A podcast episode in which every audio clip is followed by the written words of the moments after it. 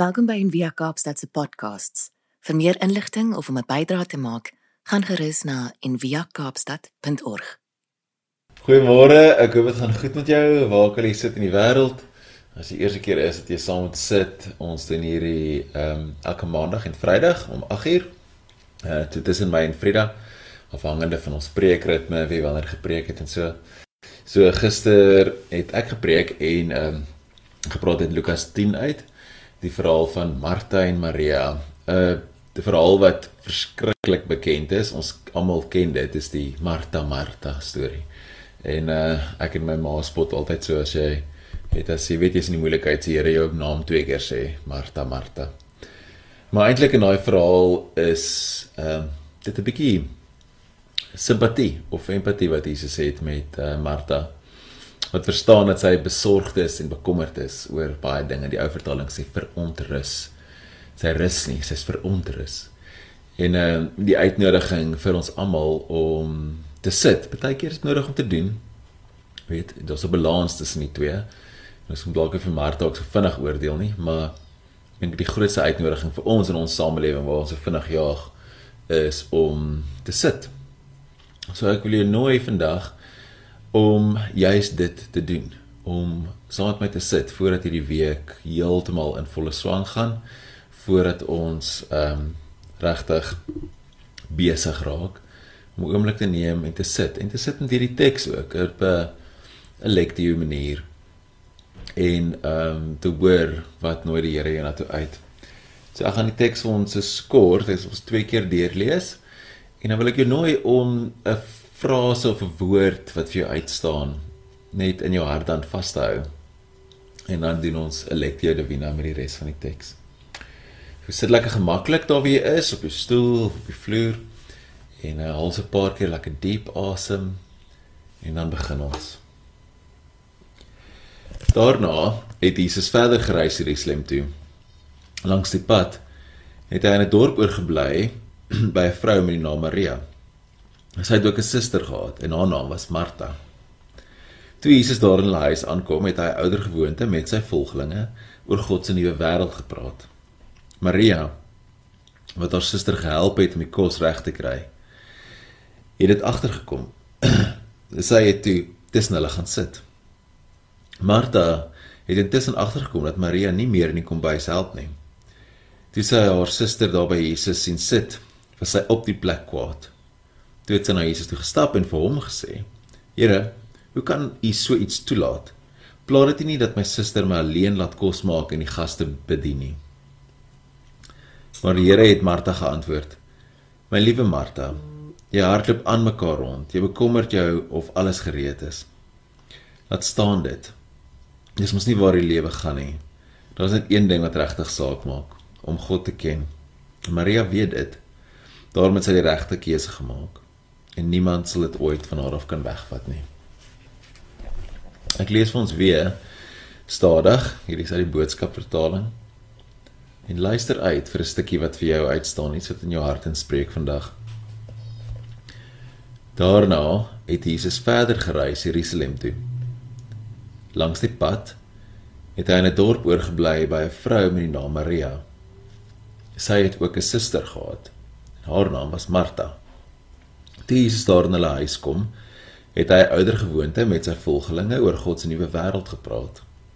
Maria, wat haar suster gehelp het om die kos reg te kry, het dit agtergekom en sy het toe tussen hulle gaan sit. Martha het intussen agtergekom dat Maria nie meer in die kombuis help nie. Toe sy haar suster daar by Jesus sien sit, was sy op die plek kwaad. Sy het na Jesus toe gestap en vir hom gesê: "Here, hoe kan U so iets toelaat? Plaat dit nie dat my suster my alleen laat kos maak en die gaste bedien nie." Maar die Here het Martha geantwoord: "My liewe Martha, jy hardloop aan mekaar rond. Jy bekommer jou of alles gereed is. Laat staan dit. Dis mos nie waar die lewe gaan nie. Daar's net een ding wat regtig saak maak: om God te ken." Maria weet dit. Daarom is sy die regte keuse gemaak. Niemand sal dit ooit van haar kan wegvat nie. Ons sit vir so 'n oomblik saam. En dan wil ek jou nooi om oor hierdie stukkie teks te dink. wat wat staan vir jou uit? Wat is die ding wat jou hart aanraak? Is jy die besige Martha wat probeer om alles wat die Here voor haar geplaas het ook goed te doen en reg te doen? Is jy bekommerd en besorgd oor baie dinge?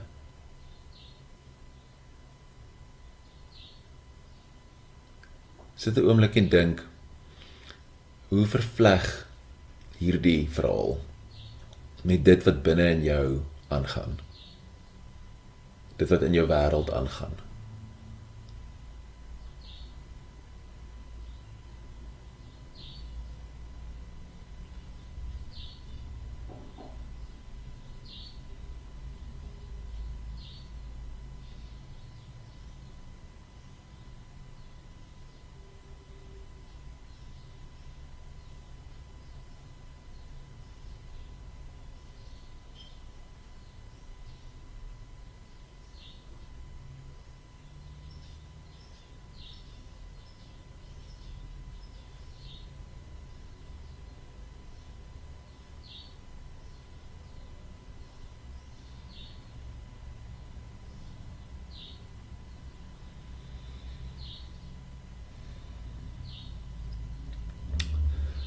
Neem ons 'n oomblik en nooi die Here binne in daardie gesprek in. Wat het jy nodig om vir hom te sê? Wat het jy nodig om van hom te vra?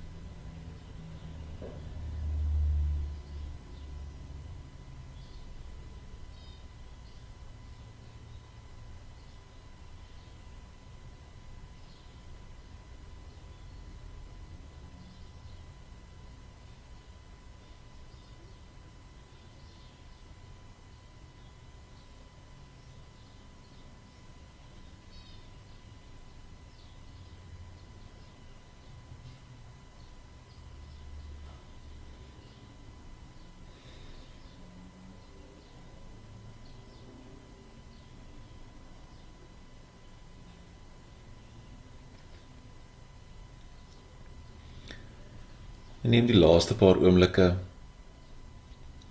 en sit bloot in stilte. Sonder om vra te vra of antwoorde te verwag. Ons sit in stilte en dalk is daar 'n uitnodiging vir jou. Dalk is daar iets wat jy kan doen of anders oor dink. Iets wat jy kan ophou doen.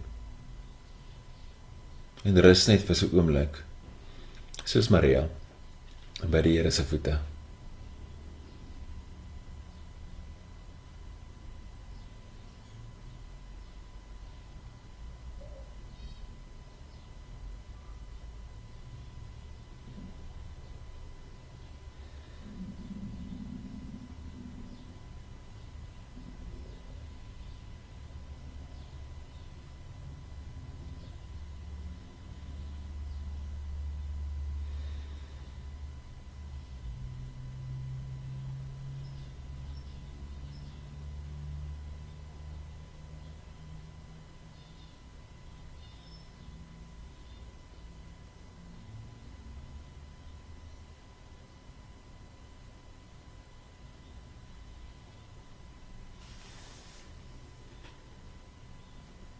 Amen.